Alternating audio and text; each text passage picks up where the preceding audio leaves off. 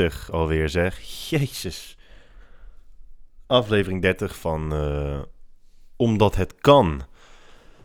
De enige podcast in de wereld die nergens over gaat. Dan mocht je afvragen waarom ik dat zeg. Eh, dat komt omdat eh, meer dan één persoon. Ik ga vanaf nu gewoon altijd zeggen meer dan één persoon. In een van de, een van de eerdere, eerdere podcasts heb ik het over dat mensen die dan iets op Instagram plaatsen of op, Facebook plaatsen. En dan vervolgens zeggen, ja, ik heb zoveel vragen gehad over mijn jurkje. En dan weet je, of je kunt met enige vorm van zekerheid stellen dat dat niet heel erg veel mensen zijn geweest. Alleen dat is natuurlijk altijd uh, jezelf iets interessanter maken dat je bent. Um, het, is, het is gewoon heel kut om te zeggen, ja, nou ja, jongens, uh, één iemand heeft mij een vraag gesteld, dus nu ga ik daar openbaar antwoord op geven. Dus ik ga gewoon zeggen, ja, meer dan één. En als het dan meer dan één is, is het ook letterlijk meer dan één. Uh, en als het er één zou zijn, dan zou ik gewoon zeggen, ja, die en die heeft uh, een vraag gesteld. En het is interessant genoeg om uh, openbaar te beantwoorden, want anders zou ik dat niet doen. In ieder geval meer dan één persoon, die heeft ehm, gedurende een van de laatste 30 à 35 weken tegen mij gezegd dat mijn podcast nergens over gaat. En dat, vind, dat vind ik leuk. Uh, niet leuk om te horen. Ook niet, niet leuk om te horen, maar ik vind het vooral uh, vermakelijk. En waarom ga ik jullie nu vertellen. Het is niet dat ik cognitieve dissonantie een, uh, als een, dat ik een nieuw woordje heb geleerd en dat ik daarom um, er nu weer over ga hebben. Maar ik kreeg um, meer dan één bericht naar aanleiding van mijn vorige podcast Waarbij een aantal mensen zeiden van dat ze het een eh, heel interessant onderwerp vonden. Maar nog belangrijker, voor, zowel voor mij als voor, uh, voor hen, uh, is dat ze zeiden dat het ze nieuwe inzichten heeft gegeven um, over hun business. En dat waren zowel personal trainers als coaches. En dat is ook exact waarom het heel interessant is. Omdat zeker als het om coaching van mensen gaat, is inlezen op het gebied van cognitieve dissonantie wel heel erg waardevol. En waarom is tegen mij zeggen, of wat is het verband tussen uh, cognitieve dissonantie en tegen mij zeggen dat mijn podcast nergens over gaat, wil ik je graag uitleggen.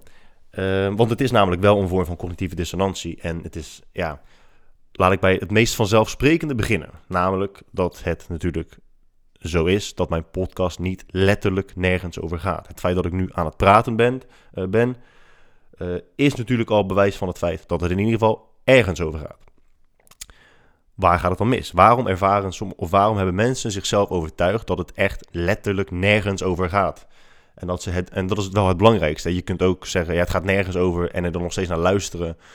In de zin van, um, soms kijk je bijvoorbeeld een comedy of video's op het internet die vermakelijk zouden moeten zijn. Of alleen maar vermakelijk zouden moeten zijn.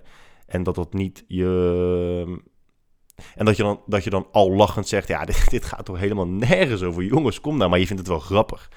Maar dit is dus wel, het is wel belangrijk dat de mensen die dit zeggen, um, die beargumentatie ook gebruiken om niet te luisteren naar de podcast. Dus het gaat helemaal nergens over, daarom luister ik er niet. Oké.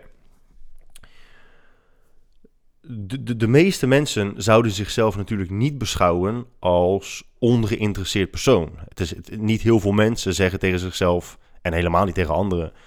Ja, um, als ik mezelf zou moeten beschrijven, dan zou dat eigenlijk zijn als iemand die, nou ja, redelijk ongeïnteresseerd is in heel veel verschillende onderwerpen. Er zijn maar een paar onderwerpen waar ik interesse in heb. Dat zijn vrij specifieke onderwerpen. En alles wat daar niks mee te maken heeft, uh, vind ik gewoon niet interessant. De meeste mensen zien zichzelf als in ieder geval gemiddeld tot bovengemiddeld uh, intellectueel. En niet als, um, nou ja, ondergemiddeld. En al helemaal niet als dom. Er zijn echt heel, heel weinig mensen die over zichzelf uh, zeggen dat ze, dat, ze, dat ze dom zijn. En dat is best gek, want er zijn domme mensen. En dat is niet, dat is niet, uh, niet buigend bedoeld. Er zijn, ja, er, zijn, er zijn domme mensen, er zijn slimme mensen, er zijn rijke mensen, er zijn arme mensen. Ik bedoel, laten we onszelf geen, geen sprookje aanpraten. In ieder geval, mijn podcast gaat over veel verschillende onderwerpen. En als jij het dus niet interessant vindt, dan kan dat verschillende dingen betekenen. A, ik ben gewoon saai. Ik bespreek die onderwerpen op een, uh, op een saaie manier. Dat, dat zou goed kunnen. Maar dan is het geen argument om te zeggen: de podcast gaat nergens over. Dan moet je zeggen: ja, je bent gewoon een hele oninteressante vent. Dat, dat kan. En dat zou een goed argument zijn. Of de onderwerpen die ik bespreek vind je gewoon niet interessant. En dan, heb je dus, dan kom je dus weer voor een, um, een struikelblok. Want je kunt A zeggen, ja, de onderwerpen die Guy bespreekt vind ik niet interessant. Maar dat zijn heel veel verschillende onderwerpen. Dus daarmee zou je toegeven dat je heel veel verschillende onderwerpen gewoon niet interessant vindt. Maar nogmaals, dat doen de meeste mensen niet. Dus wat doe je dan? Dat beredeneer je. Je beredeneert dan jouw afkeer voor de podcast of je desinteresse in de podcast door te zeggen, ja, het, gaat gewoon nergens over. En dat is dus weer cognitieve dissonantie. Omdat het in je, je ehm, gevoel voor de podcast, je mening over de podcast. Als je eerlijk zou moeten zijn waarom je het niet interessant vindt, dat is heel erg in strijd met hoe je denkt zelf te zijn. En dat wil je niet, daarom beredeneer je dus op een hele andere manier. Daarom rechtvaardig je je desinteresse op een hele andere manier. Door gewoon te zeggen, ja, het gaat gewoon nergens over. Maar dat slaat natuurlijk helemaal nergens op. Dus uh, ja, waarom ik dit zeg, is gewoon omdat ik het een, een, interessant iets vind. En, vind. en omdat ik het nu leuk vind dat mensen wel interesse hebben in, in dit soort onderwerpen. En dan wil ik het af en toe dus terug laten komen met praktische voorbeelden, zodat je ziet op hoeveel verschillende manieren uh, dat gebeurt. En zo meteen heb ik er nog, nog een mooi, omdat die toevallig uh, afgelopen week ook, omdat het afgelopen week ook uh, plaats heeft gevonden. Maar voordat ik begin, of voordat ik doorga, eerst een slokje water. En dan vervolgens natuurlijk het gesponsorde bericht. Uh, ook aflevering 30 wordt mede, mogelijk gemaakt door Jimmy Joy. Uh, mocht je interesse hebben in de aller, allerbeste maaltijdvervangers, die ik ook oprecht lekker vind, check dan jimmyjoy.com en gebruik natuurlijk kortingscode GUIDROOG voor 15% korting. Daarnaast mede mogelijk gemaakt door Under Armour. En nogmaals, Under Armour, um, ja, die hoef ik niet te introduceren. Er uh, zijn volgens mij steeds minder mensen die nog nooit van Under Armour hebben gehoord. En als je nog nooit van Under Armour hebt gehoord, dan ja, zou je kunnen zeggen, nee, dat ligt niet aan jou. Um, maar ja, ik zou, ja ik, zou, ik zou echt niet weten hoe je nog nooit van Under gehoord zou kunnen hebben. Maar goed, check dan in ieder geval underarmour.com. Uh, eh, U-N-D-E-R A-R-M-O-U-R.com. Andere vorm van, uh, een mooie vorm van cognitieve dissonantie. En dan zie je hoe ver mensen daar ook in kunnen doorslaan. Hoe, of, of, eigenlijk hoe hoe efficiënt mensen zijn in continu hun, hun visie, hun mening bijstellen, zodat het constant in lijn blijft met hoe ze denken. En uh, het gaat dan weer heel even over Coca-Cola. En ik had dus, uh, ik had afgelopen vrijdag een gesprek met Coca-Cola. Leuk gesprek. Uh, werken echt hele leuke mensen bij Coca-Cola. En um, dat had ik al tegen een klant van mij gezegd, dat, dat een dergelijk gesprek eraan ging komen. En toen kwam de volgende stelling. Zij zei, en eh, ja, het is, het is een nieuwe klant, dus vandaar, ze zijn nog niet helemaal opgevoed zoals ze opgevoed worden uiteindelijk. Maar haar stelling was dus, uh, ja, van, uh, weet je dat je van aspartame... Nee, het begon met, weet je dat... dat is ook zo mooi. Ook gelijk een hele belerende, belerende toon vanuit echt een, een positie van aangeprate expertise. Wist je dat Coca-Cola Light nog veel slechter voor je is dan normale cola? En nou ja, die uitspraak heb ik natuurlijk wel iets vaker dan één keer gehoord. En met iets vaker dan één keer bedoel ik letterlijk duizenden, letterlijk duizenden keren. Dus de dame in kwestie zei dat. Wist je dat Coca-Cola Light veel slechter voor je is dan normale cola? En ik ben niet iemand die uh, denkt dat hij heel slim is. Dus ik ga dan ook niet lachend reageren met... Wat een fucking onzin. Waar heb je het over? Uh, ik vind het altijd een hele interessante. Wat ik altijd een hele interessante aanpak vind, is mensen gewoon genoeg vragen stellen, zodat ze er zelf achter komen dat ze minder kennis hebben dan ze dachten over een specifiek onderwerp. Ik weet niet, welk, ik weet niet welke Griekse filosoof dat bedacht. Socrates. In ieder geval, er was iemand die zei dus, je, je kunt het best gewoon heel veel vragen stellen, zodat anderen erachter komen dat ze niet zo heel veel weten. Nu werkt dat bij lange na niet altijd, zoals in dit geval. Maar het is wel een, een interessante eerste ehm, aanpak, mogelijke aanpak. dus ik zei, uh, oh oké, nou interessant, leg, leg, eens uit, leg eens uit waarom jij dat denkt of, of hoe dat dan werkt. Ja, en dan komt natuurlijk weer het, altijd het standaard antwoord. En daar hebben we het laatst of bij de Fitness uh, Mythes podcast ook over gehad. Als iemand in één mythe gelooft, is de kans zeer aannemelijk dat ze in alle andere mythes geloven. En als iemand één uitspraak doet, kun je over het algemeen hun complete wereldbeeld, of als het in ieder geval gaat om fitness, uh, helemaal invullen. Dus, en dat, dat is altijd interessant, want dergelijke mensen denken dat ze, dat ze heel erg ingelezen zijn over allerlei onderwerpen. En dat ze heel veel diepgang kennen, maar het is allemaal zo oppervlakkig, zo tweedimensionaal en vooral zo transparant. Dat je ja, een heel groot deel van een persoonlijkheid in één keer zo hup, uh, aan ze vrij kunt geven. En dan zullen ze ook niet denken van, oh zo hè, als jij precies weet hoe ik denk, dan zal hoe ik denk misschien wel niet zo uniek zijn. In ieder geval, zij uh, zei van ja, nou ja, als jij dus uh, cola light drinkt en daar zit zoetstof in, zeg ik ja, klopt, aspartaam. Oh ja, aspartaam inderdaad. Aspartaan met een, met een N, hè, dat is ook heel interessant, dat heel veel mensen bang zijn voor een zoetstof waarvan ze de naam niet eens correct uit kunnen spreken. Maar aspartaam zou dus een, een stofje in je hersenen vrijmaken.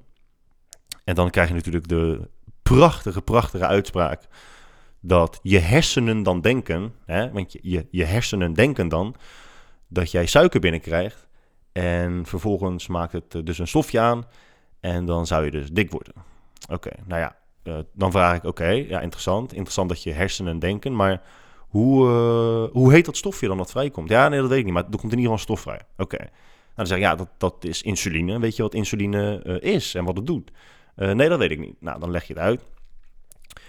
En dan denken ze, oké, nou ja, interessant. Hè? Dan gebruik je ook vaak het, ik gebruik dan meestal het argument van mensen met type diabetes 1. Mocht je daar niet bekend mee zijn. En ik, ja, heel dit fucking verhaal dient alleen maar om weer een voorbeeld te geven van cognitieve dissonantie.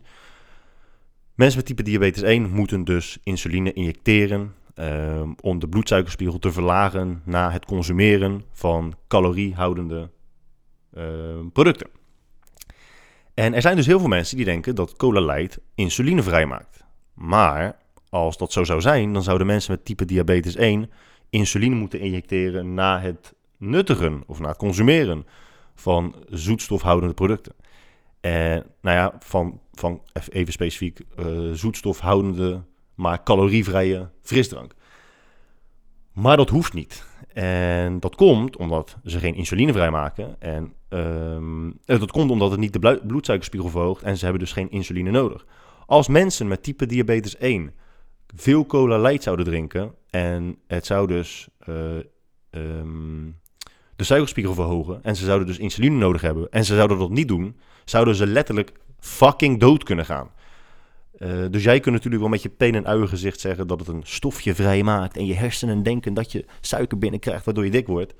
Maar mensen zouden letterlijk doodgaan. Oké? En mensen met type diabetes 1 hoeven geen insuline te injecteren na het drinken van cola light. Dus dat hele argument gaat gewoon niet op. Maar dan zie je ze natuurlijk eerst kijken alsof ze water zien branden. En dan komt het. Want dan strookt het nog steeds niet. En dat is het belangrijkste. Zij beginnen met de aanname: cola light is slecht voor je. Dan krijgen ze een tegenargument waar ze eigenlijk helemaal niets mee kunnen. En, maar ze hebben wel, ze, ze voelen, ze ervaren het ongemak van dat ze wellicht afstand zouden moeten nemen van hun overtuiging. En dat is heel moeilijk voor mensen. Dus dan stappen ze af van dat argument en dan zoeken ze een nieuw argument. En um, aansluitend op het vorige argument zei ik ook nog van ja, maar kijk, kijk bijvoorbeeld naar mij. Ik drink met, uh, met behoorlijke regelmaat um, cola light of cola zero. En ik ben ook niet dik. En ik denk dat als je van cola light dik zou worden, ik nu behoorlijk veel overgewicht zou hebben. En dan komt het. En dat was misschien mijn fout. Misschien had ik dat argument er niet aan toe moeten voeren. maar dan zeggen ze, ja, maar oké, nu heb je het over de buitenkant. Hè? Je bent gezond van buiten. Je bent niet gezond van binnen, misschien. Ik nou, uh, ik doe om verschillende redenen, met enige regelmaat, doe ik uh, bloedonderzoek. Minstens één keer per jaar en dan best uitgebreid. En dat is altijd gewoon helemaal oké. Er is echt gewoon niets wat mij mankeert. En dan zou je denken, oké, nou dat zou dan misschien als argument kunnen dienen. Maar nee, want dan zouden ze nog steeds afstand moeten nemen van hun eigen overtuiging. En dat willen ze niet. Dus ze moeten weer bijstellen om die overtuiging te kunnen behouden. En wat komt er dan? Ja, oké, maar ehm, je kan, ja, dat is misschien bij jou, maar niet bij iedereen, hè? want iedereen reageert er anders op. Um, ja, oké, maar, maar, maar, wat, maar wat zeg je nu dan? Dus ik zou eigenlijk iets niet moeten drinken, omdat er een kans bestaat dat het misschien wel bij de ene persoon en bij de andere niet op een bepaald moment iets gaat doen wat we, wat we misschien wel of niet zouden kunnen meten in het bloed of zien. Of ja, wat bedoel je precies? Ja, nou, ik denk gewoon dat het, ik denk dat je gewoon logisch verstand moet gebruiken en dat je gewoon uh, sommige dingen moet je gewoon uh, mijden. Nou, en dat, en dat is dus dan hun eindargument, zodat ze die overtuiging kunnen behouden. En je ziet, dus zelfs, zelfs en waarom ik het ook interessant vind, is omdat um, bij de rondleiding van Coca-Cola werd er tussen mensen gesproken. En toen hoorde je ze zeggen van ja, weet je, eigenlijk als je mensen wilt overtuigen van de veiligheid van aspartaam. Of nee, er zijn nog te veel mensen die niet overtuigd zijn van de veiligheid van aspartaam. En dat komt omdat ze nog niet van informatie zijn voorzien. Maar mensen van informatie voorzien is bij lange na niet genoeg. Wel de essentiële basis, maar bij lange na niet genoeg om ze te overtuigen. De manier waarop je het brengt is, is van essentieel belang. Wie het brengt is van essentieel belang. Maar alleen maar iemand van informatie voorzien, dus hen vertellen wat jij weet of denkt te weten, om ze op die manier te overtuigen, is gewoon, uh, is gewoon echt, echt niet genoeg. En uh, er waren ook wat mensen die hadden gereageerd op de aflevering De Radicale Feminist. En dat vonden ze ook uh, interessant. En ik, ik vind het wel belangrijk om te benadrukken dat ik dergelijke onderwerpen beredeneer vanuit psychologie, niet, niet vanuit politiek. Ik weet echt vrijwel niks over psychologie, maar ik weet nog veel minder over politiek. En dat is omdat ik uh, daar gewoon minder interesse in heb. Ja, politiek gaat natuurlijk helemaal nergens over. Daarom heb ik geen interesse. Ja, het gaat, heel, gaat helemaal nergens over. Uh, nee, ik, ik, heb daar gewoon echt minder interesse in. Dus daarom um, ben ik daar minder mee bezig. Maar bepaalde politieke kwesties zijn natuurlijk ook wel behoorlijk uh, psychologische kwesties. Want op basis van het onderwerp feminisme en uh, gelijkheid, of in ieder geval gelijke kansen, vo daarop volg, daar, daar volgt een gesprek op over uh, racisme op de werkplek. En in hoeverre, je, in hoeverre het nadelig is als je een, um, een, een een niet-Nederlandse achternaam hebt. Um, en er zijn dus heel veel mensen. Ja, het, is, het, is, het is, nogmaals, hè, het is niet, geen politieke. Het is geen, uh, het is geen politieke kwestie. Dus bespaar me alsjeblieft de, de politieke mails na afloop. Uh, het mag trouwens wel, misschien leer ik dan iets over politiek. Maar in ieder geval, er zijn dus heel veel mensen die denken dat als er een uh, Marokkaanse man en een, en een Nederlandse man solliciteren voor dezelfde functie. En de Nederlandse man wordt gekozen, wat bij lange na niet altijd het geval is. Want dat zou dan betekenen dat er geen Marokkaanse of Turkse of überhaupt allochtoonse mensen werken. Um, dat het dan altijd racisme is. En dat is, dat is uh, een psychologische kwestie, omdat het uh, confirmation bias is. Confirmation bias is eigenlijk dat je begint met de overtuiging of je begint met de conclusie. En vervolgens zoek je, nou dat is meer cherrypicking, maar het heeft wel te maken met confirmation bias. Je zoekt dan bewijs en je zoekt alleen maar naar bewijs om jouw overtuiging te versterken. Dus je zal nooit overwegen om uh, het tegenovergestelde op te zoeken. Een heel, heel simpel voorbeeld hiervan is het volgende. Uh, nou ja, even in de trant van aspartaam. Jij denkt dat aspartaam veilig is. Wat, wat googelen de meeste mensen die denken dat aspartaam onveilig is? Die zoeken dan, waarom is aspartaam onveilig? Of aspartaam is kankerverwekkend. Dat soort dingen. Alleen maar heel specifiek zoeken naar artikelen en stukken en bewijsmateriaal, tussen aanhalingstekens, waaruit blijkt dat ze misschien wel gelijk zouden hebben. Ze zullen nooit googlen naar aspartaam is veilig of de veiligheid van aspartaam of aspartaam is veilig bevonden in 200 fucking landen verspreid over 25 tot 30 jaar. Um, en dan, en dan, dan is het argument, het vervolgargument is trouwens ook heel simpel, want dan zeggen mensen ja, maar ja, al, alle wetenschap die uh, is uh, omgekocht. Coca-Cola koopt al die onderzoeken op. Alle, alle, alle, alle positieve conclusies kopen ze op. Dus alles wat negatief is over aspartaam, dat is, dat is wij, dat is waarheid, dat zijn feiten. En alles wat positief is, dat is allemaal omgekocht. Dus ja, dan, dan sta je gewoon in een situatie waar je niets mee, uh, niets mee kan. In ieder geval racisme op de werkplek. Um, dat een Nederlander, of een, dat een autochtoon, want het, we hebben het over wereldwijde, een wereldwijde kwestie, niet alleen maar over Nederland. Dat is ook nog wel redelijk relevant. Dat een autochtoon gekozen wordt boven een allochtoon, betekent niet gelijk racisme. Uh, hetzelfde als met, met um, de aflevering Radicale Feminist, waarin het ook gaat over verschil in salaris.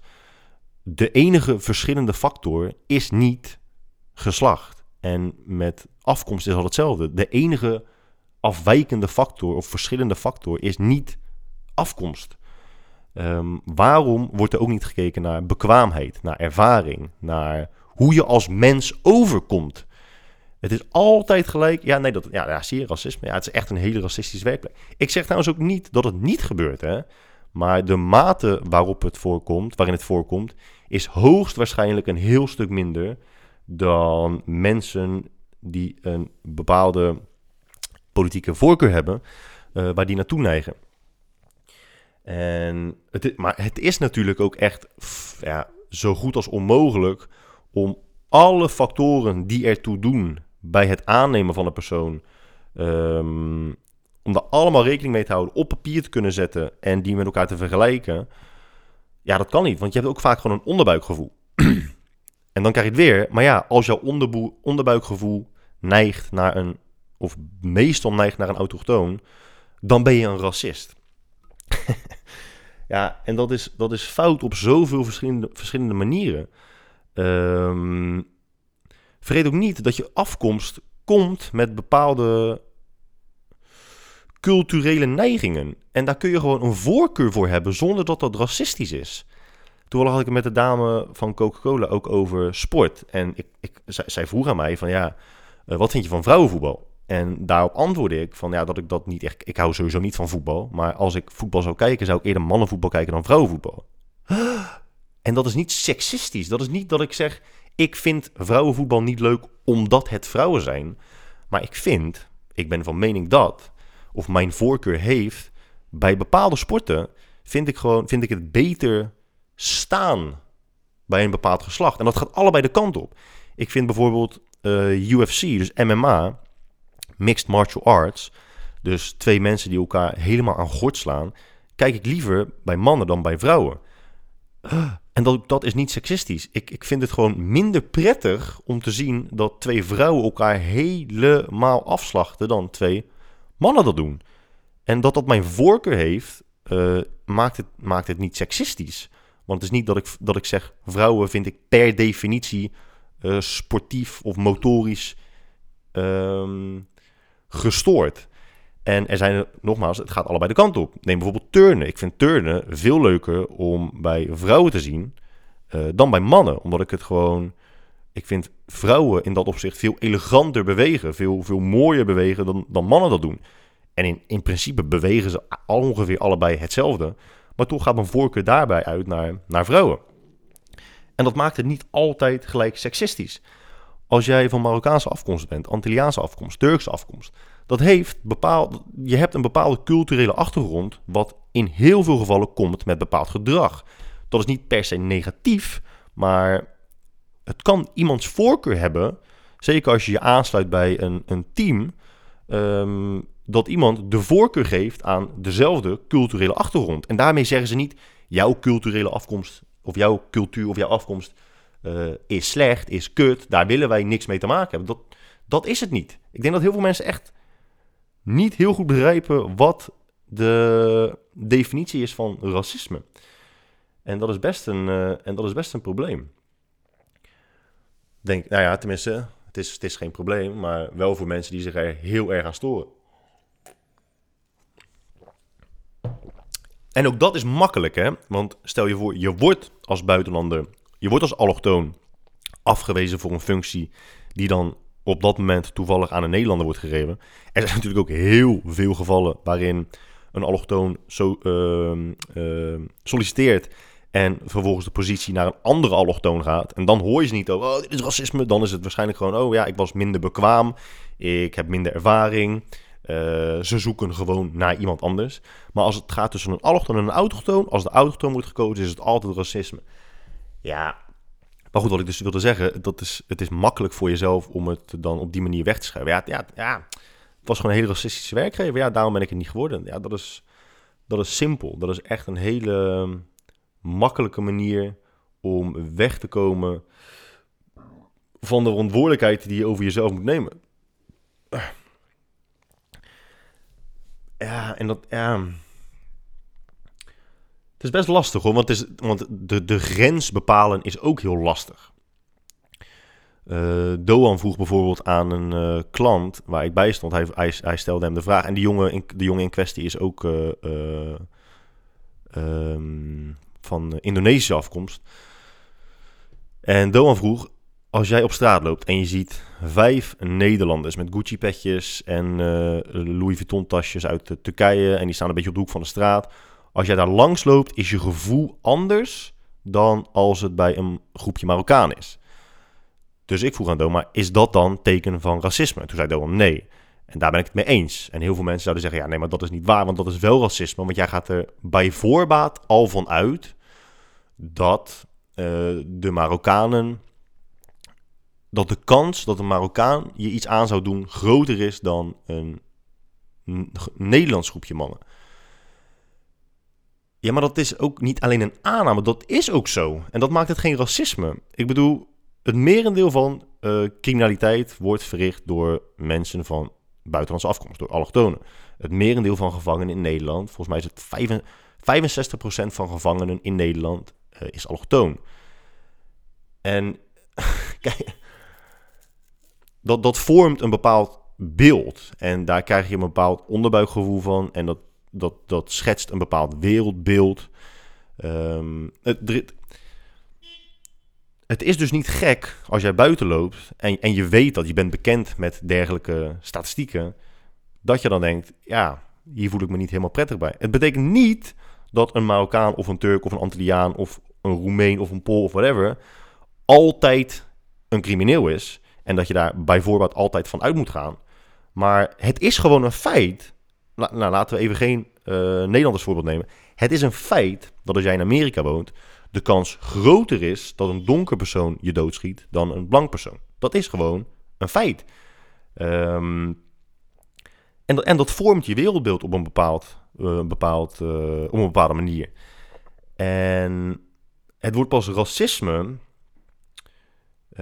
het wordt pas racisme op het moment dat jij alle Marokkanen of een bepaald ras altijd bij voorbaat al afkeurt. Of dat je je eigen ras, je eigen afkomst altijd bij voorbaat als superieur beschouwt. Altijd. Um, ja, sorry, ik ben een klein beetje afgeleid, want het toetert een auto voor de deur. En dan, dan ga ik nadenken van, is dat voor mij? En dan denk ik, nee, waarom zou iemand nu voor mij voor de deur staan en toeteren? Maar toch krijg je dan twijfel. Maar goed, dat, dat is racisme. Als jij er altijd, onder welke voorwaarden dan ook, ervan uitgaat dat je eigen afkomst, je eigen cultuur, eh, het eigen ras altijd superieur is aan, aan een ander. Dat is racisme.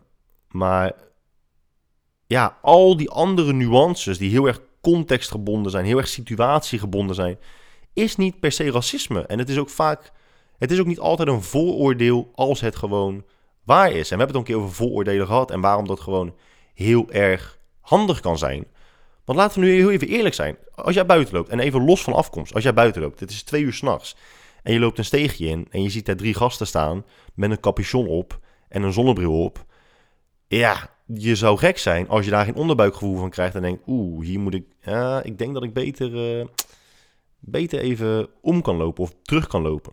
Dat is een vooroordeel, want je onderbuikgevoel zegt: dit moet je niet doen. Je gaat er bij voorbaat van uit dat die gasten je misschien wel iets aan gaan doen. Maar ja, wat, wat, moet, je, wat moet je dan doen? Moet je het risico, moet je het risico maar nemen, omdat anders uh, Annetje overmorgen op het werk zegt van ja, maar ja, dat is wel een vooroordeel. En vooroordelen zijn echt heel slecht. nee, nee, vooroordelen kunnen je ook wel echt in heel veel situaties gewoon helpen. En soms letterlijk redden. Ehm, ja, het is een lastige kwestie. Het is wel een lastige kwestie. En laat ik in ieder geval al met absolute zekerheid uitsluiten dat ik ook maar een klein beetje racistisch ben. Ik ben echt absoluut geen racist. Ehm, ik bedoel, ehm, als uh, halve Israëliër is het ook niet uh, altijd heel makkelijk geweest om geen slachtoffer te zijn van racisme. Ja, slacht, nee. Geen um, slachtoffer is echt wel een heel groot woord. Ik heb in ieder geval meer dan genoeg te maken gekregen met racisme naar, uh, naar mij toe. En nou, dat heeft mij niet racistisch gemaakt. Integendeel, dat heeft me juist erop gewezen hoe achterlijk racisme is, kan zijn. Dus nee, nee, dat ben ik niet. Maar ik vind de, de nuances bespreken wel heel erg interessant. En ik denk dat je. Kijk, het is ook een heel groot nadeel voor jezelf om dat wereldbeeld te hebben. Het is heel slecht voor jezelf als jij iemand bent met een, met een buitenlandse achternaam. Dat je denkt, ja, ik heb, weet je, het werkt zo in mijn nadeel. Want mensen die gaan me, zo, gaan me sowieso afkeuren op mijn, uh, op mijn achternaam. Dat, dat, dat stagneert je eigen ontwikkeling. Omdat je daarmee eigenlijk zegt, ja, ik hoef mezelf niet meer bekwaam te maken dan ik ben. Ik hoef niet veel meer ervaring op te doen dan ik nu al heb. Uh, ik hoef niet op te komen voor mijn eigen rechten. Ik hoef niet te onderhandelen voor meer salaris. Want er is natuurlijk gewoon de elite, blanke bovenklasse die er dag en nacht mee bezig is om mij zoveel mogelijk te onderdrukken en te weerhouden van persoonlijke ontwikkeling. Ja, dat slaat natuurlijk helemaal nergens op. Want waar, waarom, waarom kijken we nooit naar de talloze, talloze voorbeelden van mensen, net als jij, met een, met een buitenlandse achternaam, met dezelfde afkomst als jij, die het wel hebben gemaakt. Wat is dan het verschil tussen jullie? Dus waarom is een. En nogmaals, ik, ik spreek nu even in algemeenheden, maar ik zeg ik generaliseer niet, maar even puur voor dit, voor, voor, dit voorbeeld. We nemen een Marokkaanse man die um, zichzelf als onsuccesvol en onderdrukt beschouwt. En die werkzaam is in een bepaalde branche. En die doet het gewoon niet goed volgens racisme, vindt hij. Dan hebben we een andere Marokkaanse man in dezelfde branche die het onwijs goed doet volgens iedereen's, um, volgens de maatstaven van iedereen. Ze hebben allebei Marokkaanse achternaam. Ze hebben allebei Marokkaanse afkomst. Ze uh, zijn allebei in Marokko opgegroeid. Ze uh, vinden vandaag de dag in Nederland nog steeds de Marokkaanse cultuur heel erg belangrijk. De een doet het goed, de ander doet het niet goed. Wat is het verschil tussen die twee? In bijna alle gevallen is het dat de succesvolle persoon um, um, een breder bewustzijn heeft, uh, veel meer bekwaam is, uh, gewoon letterlijk meer zijn best doet uh, en zich niet laat onderdrukken door, door het idee dat hij niet verder kan komen omdat hij een Marokkaanse achternaam heeft. En het is dus niet, ik denk niet dat het belangrijk is. Het, het, is wel belangrijk om racisme te bespreken. Dat is hartstikke belangrijk. Want het zou niet meer moeten bestaan in 2019. Ondanks dat het wel nog steeds veel voorkomt. Uh, maar belangrijker is niet, oh god, hoe gaan we, hoe gaan we iedereen met een buitenlandse achternaam uh, het gevoel geven dat ze allemaal gelijke kansen hebben? Nee, hoe gaan we ervoor zorgen dat de individuele persoon er alles aan gaat doen om zijn, om zijn uh, maximale potentie te benutten. En zijn identiteit ook los gaat zien van zijn achternaam en afkomst. Nee.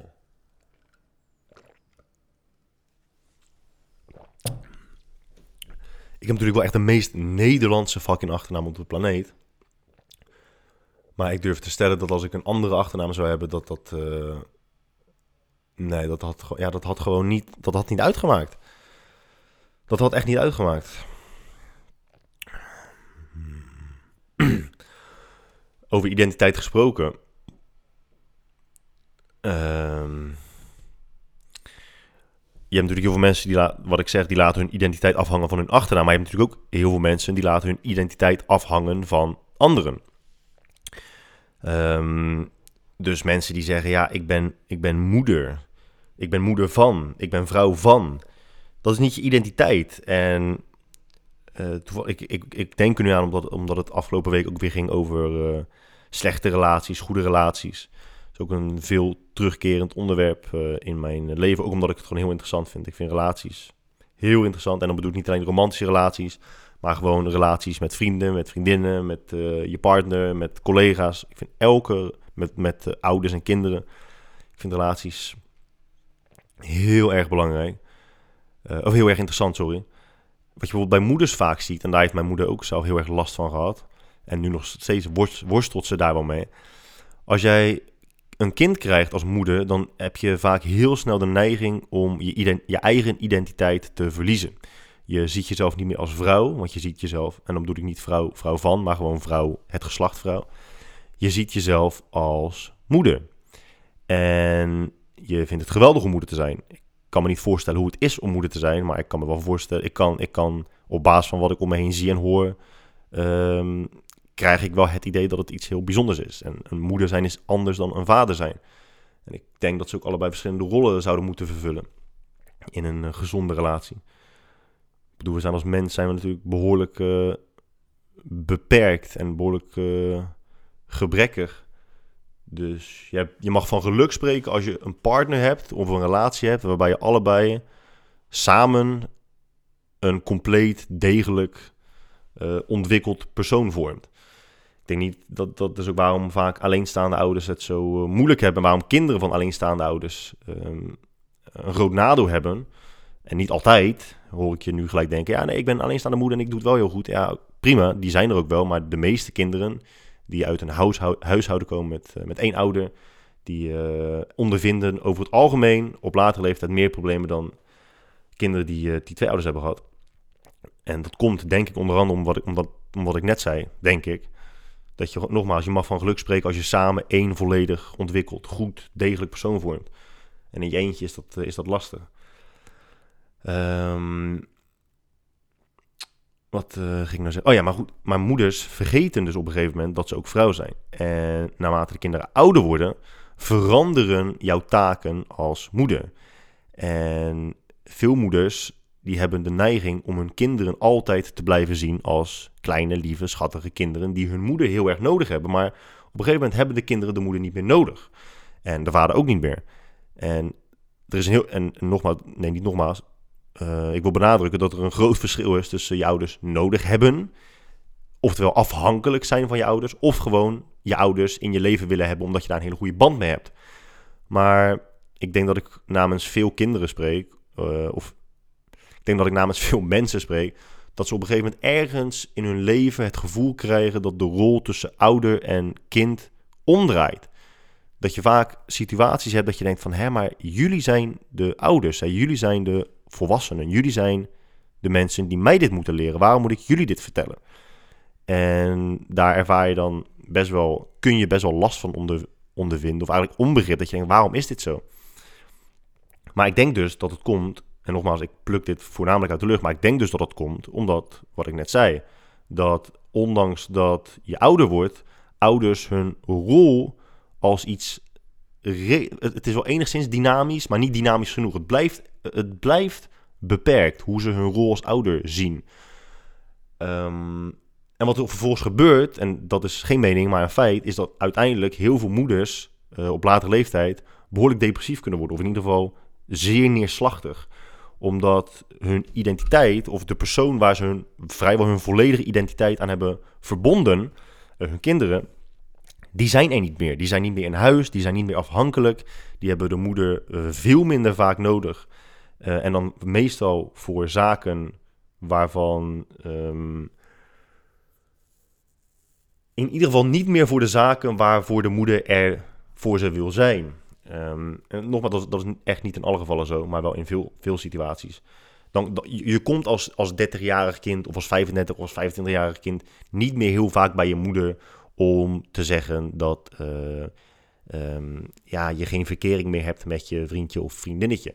Uh, je komt niet heel vaak meer bij je moeder om, om ja, heel bazaal advies te vragen over van alles en nog wat. En dat, dat doet je moeder en je vader doen dat wel in, in, de, in je jonge jaren.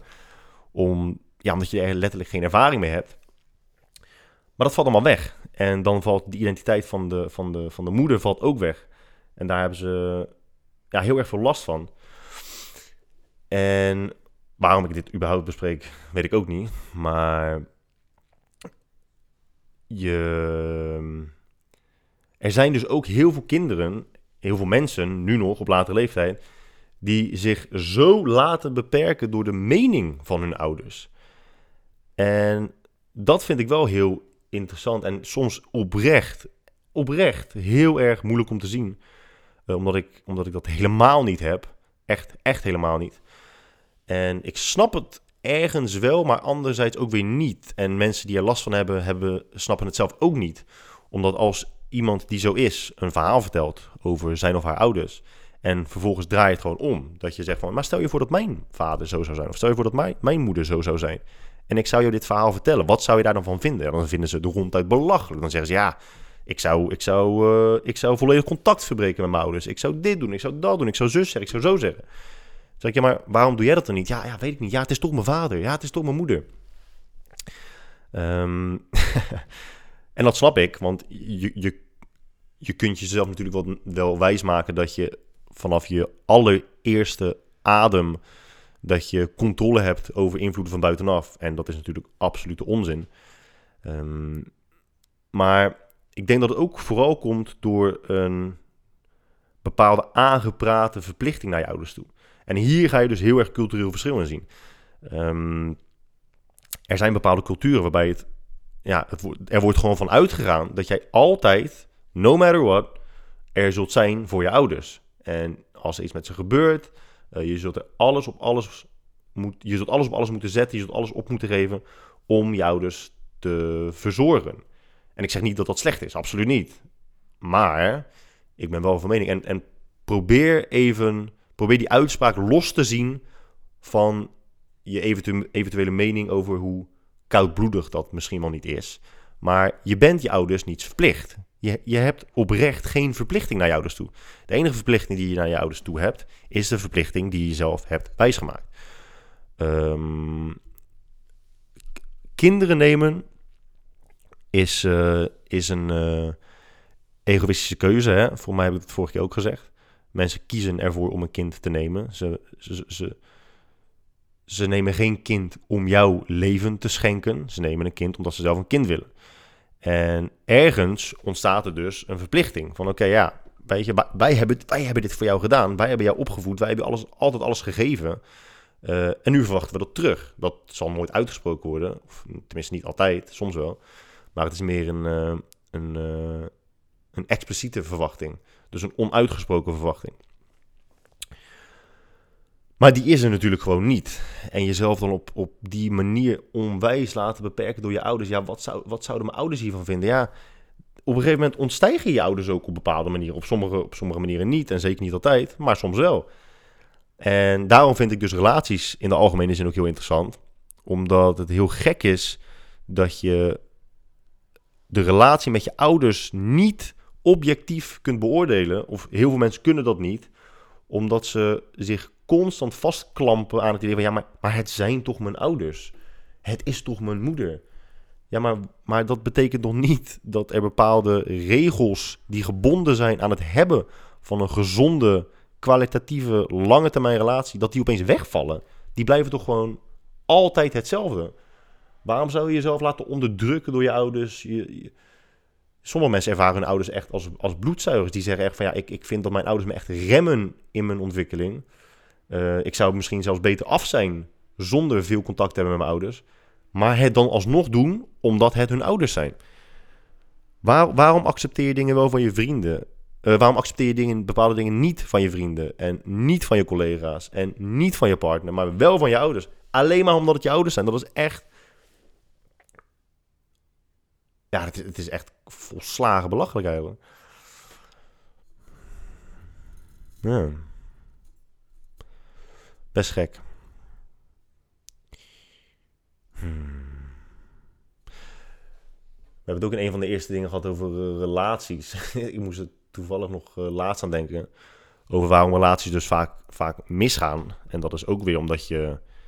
Weet je, we, gaan altijd uit. Ik ga heel, heel even een ander stuk, want dat is ook wel interessant. We gaan altijd uit van onze eigen kennis. Hè? We gaan er altijd vanuit dat we wel dingen weten. We, we, en nog erger, we gaan vaak uit van andermans kennis. We gaan ervan uit dat hij of zij wel zus of zo zal denken in bepaalde situaties. Alle, allemaal aannames. Allemaal, allemaal echt ja, perfecte voorbeelden van uh, soms wel gevaarlijke aannames. Want ik zat dus laatst de documentaire te kijken. Ik vond hem trouwens redelijk matig over Ted Bundy. Mocht je Ted Bundy niet kennen, Ted Bundy is een van de, een van de bekendere uh, Amerikaanse seriemoordenaars.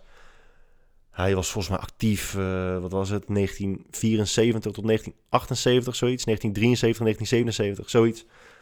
En hij vermoorde in die tijd waarschijnlijk rond de 35, uh, 35 vrouwen. En ook wel echt fucking gruwelijk, hè.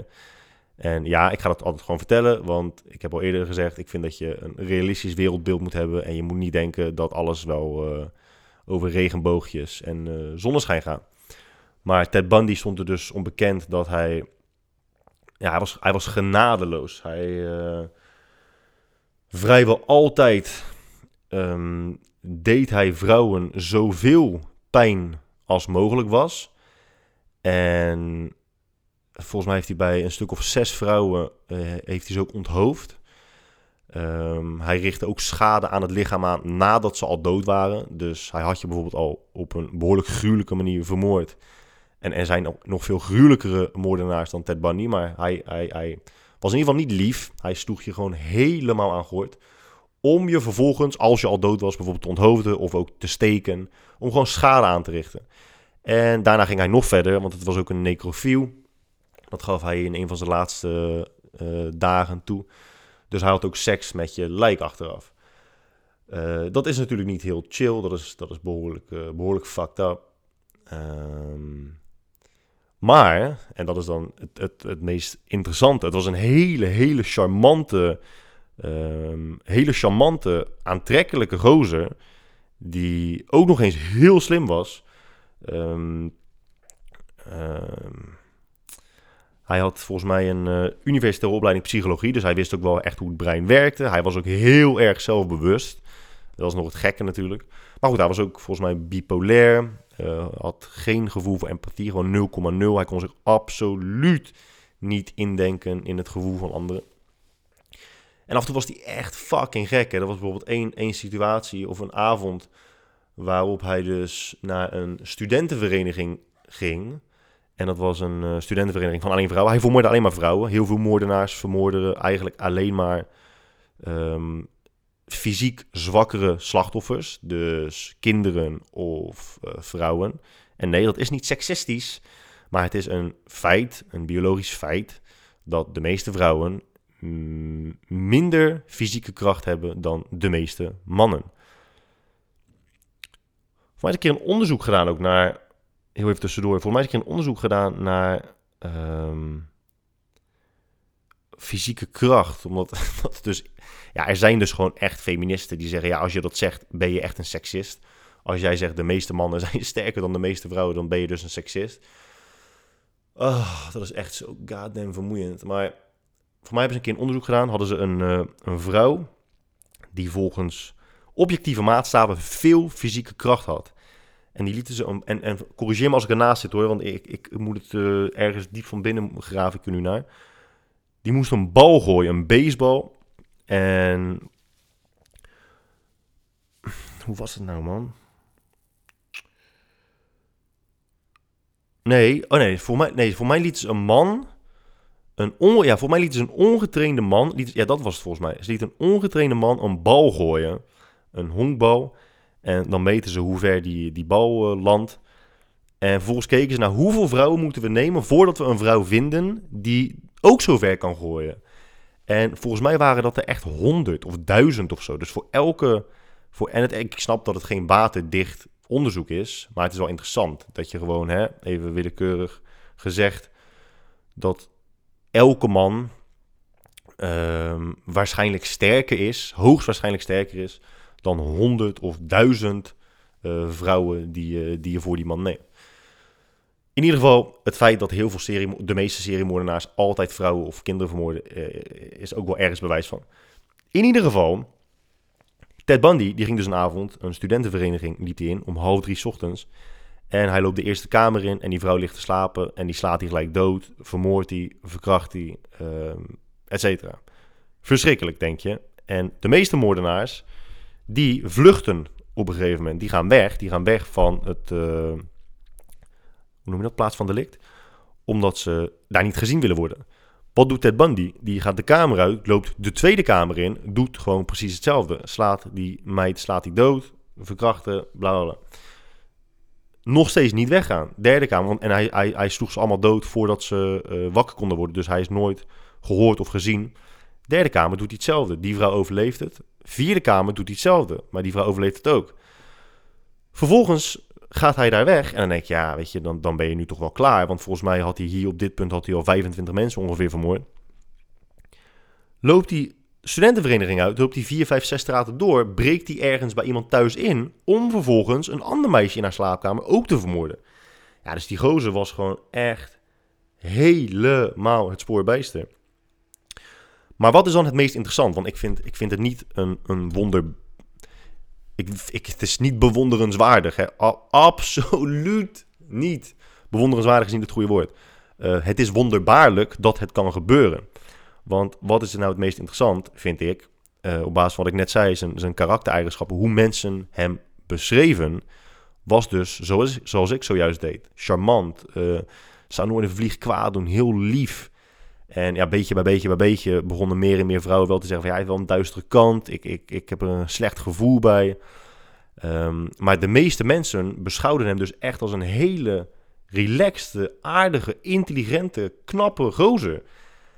En vervolgens ben je dus gewoon een van de meest beruchte seriemoordenaars aller tijden. En er zijn seriemoordenaars die nog veel erger waren.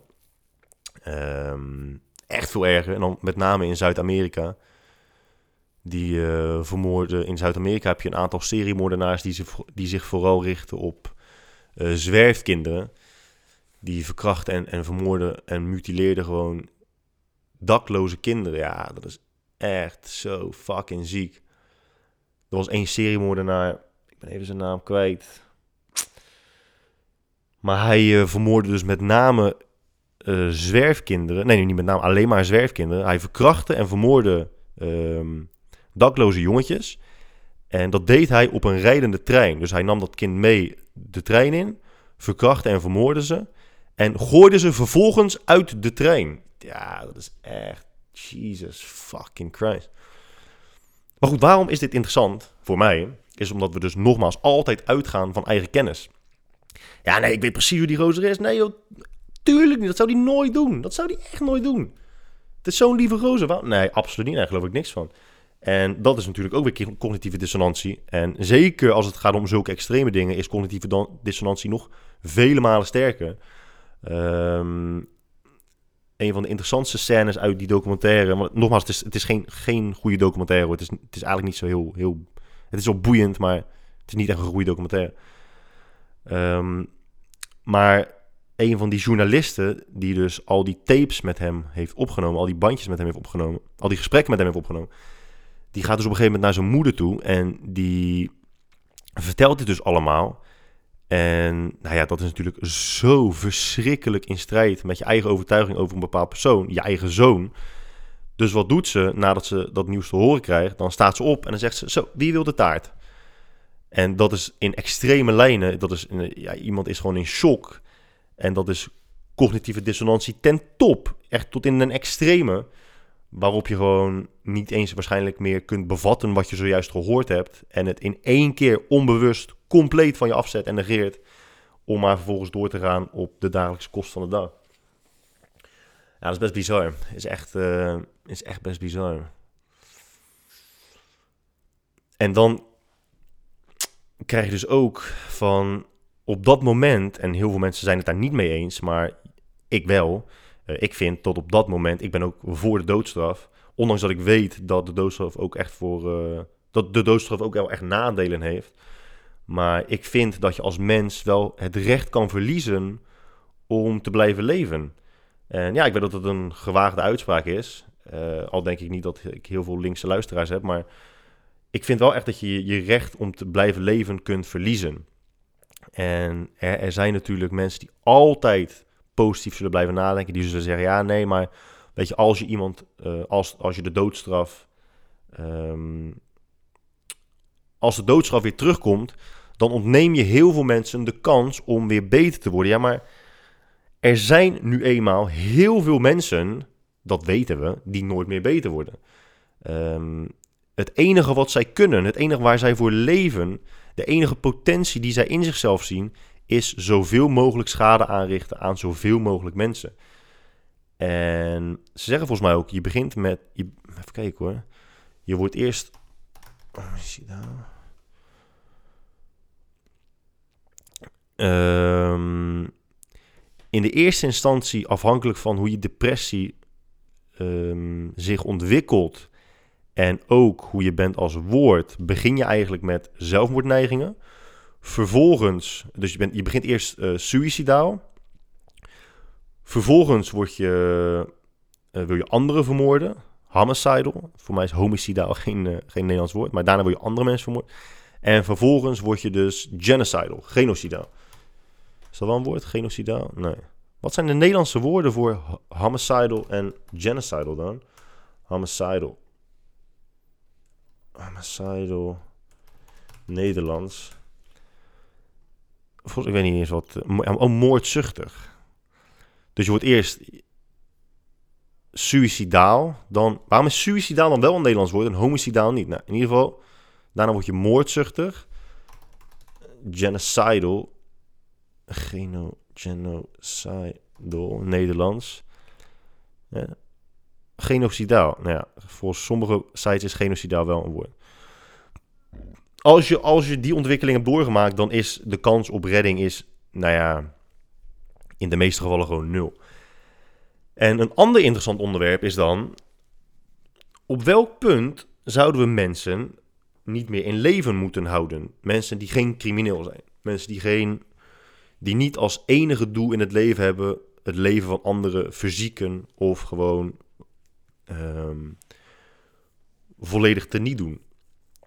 Op welk punt is een mensenleven geen mensenleven meer? En, en kunnen we dat punt bereiken? Want er zijn bijvoorbeeld um, inrichtingen waar mensen die eigenlijk niets meer weg hebben van mens zijn, hun hele leven lang in leven worden gehouden. En toevallig sprak ik laatst ook iemand die uh, een partner heeft die in een dergelijke uh, inrichting werkt. En die zegt ook, ja, sommige mensen zijn er zo slecht van af dat ze ook nooit bezoek krijgen. Ook van hun ouders niet. Die worden daar gewoon geplaatst. Sommigen zijn er zo slecht aan toe dat ze hun hele leven lang vastgebonden zitten aan bed. Want als je die loslaat, ja, die zijn. Die zijn zo mentaal gehandicapt, zo verstandelijk gehandicapt, sorry, dat ze niets anders kunnen doen dan schade aanrichten. Dag in, dag uit. Er is dus ook 0,0 potentie op verbetering, maar toch worden ze in leven gehouden. En is dat altijd maar de beste optie? Kijk, het alternatief is natuurlijk heel erg. Het alternatief is dat je zou toe moeten geven van ja, nee, het is het niet meer waard om zijn leven te houden. Dus misschien moeten ze maar gewoon doodgemaakt worden. Dat zeg ik nu niet, maar dat is een vraag die je zelf zou moeten stellen. En daar ja op zeggen, of daar positief op antwoorden, is natuurlijk best wel. Uh, ja, kwaadwillig is het niet. Want het is niet dat je het doet omdat je anderen kwaad toewenst. Dat is het, dat is het absoluut niet. Maar je kijkt natuurlijk naar het geheel, de samenleving als geheel. En wat willen wij als samenleving? Wij willen zoveel mogelijk mensen, niet allemaal, maar zoveel mogelijk mensen, die binnen hun kunnen of zover hun macht of potentie reikt, uh, zoveel mogelijk hun best doen om iets te betekenen voor de samenleving. Dat is, dat is um, de meest utopische gedachte. Heel veel mensen zullen dat niet doen, maar je wilt in ieder geval niet dat er te veel mensen zijn die exact het tegenovergestelde doen. Want als er daar te veel mensen van zijn, of als er heel veel mensen zijn die daar heel erg in slagen, ja, dat, dat brengt het geheel in disbalans. En, en dat wil je niet als je hè, in, het, in het kader van duurzaamheid. Dat is ook best wel interessant. Want we hebben het altijd over duurzaamheid. Hè? Je moet fucking kartonnen rietjes gebruiken en je moet uh, elektrisch rijden. Maar we kijken niet naar heel veel andere manieren waarop de samenleving gewoon helemaal letterlijk verkracht wordt.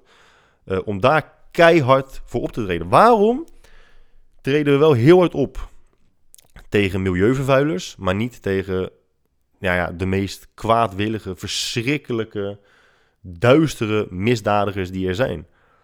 Dat is best gek. Dat is best gek. Ik ga er zo een. eh, ik, moet, ik, moest, ik moest nog even denken aan. eh, ik noemde kort natuurlijk eh, liefde. En ehm, we hebben het een keer over gehad dat mensen gewoon zulke, zulke onrealistische verwachtingen hebben van een partner. Ook omdat ze dus, zoals we net al bespro- besproken hebben, hun identiteit volledig laten afhangen van hun partner. Ik ben de vrouw van, ik ben de man van. Ja, oké, maar daarnaast ben je ook gewoon nog een mens. En ik zou niet te veel van je karaktereigenschappen laten beïnvloeden door wie je partner is. Maar dat het vooral ontstaan is door. eh, Het, het, idee, het idee dat we hebben van romantiek heb je niet zelf bedacht. Dat idee eh, is in jouw hoofd gevormd door dingen die, die, je van buitenaf, die je van buitenaf binnenkrijgt. Of het nou muziek is of films, dat maakt niet uit. Gedichten, daar is het eigenlijk eh, oorspronkelijk mee begonnen. Voornamelijk gedichten en boeken. Ehm, en ik zat net in de auto, denk ik nu dus net aan. Dat een van die motherfuckers die daar zo goed is, in is om dat in stand te houden, is fucking Bruno Mars. Ik weet niet waarom. Mijn hele schoonfamilie is gek op Bruno, Bruno, zo Bruno Mars. Maar ik vind het zo een gek, gluiperig ventje. Ja, dat is een vooroordeel, want ik, ik ken de beste man eh, niet. Maar dat nummer van hem, ik ga de tekst erbij pakken ook, om, om maar even te spreken over waarom het beeld van hoe een relatie zou moeten zijn in stand wordt gebracht, of in stand wordt gehouden.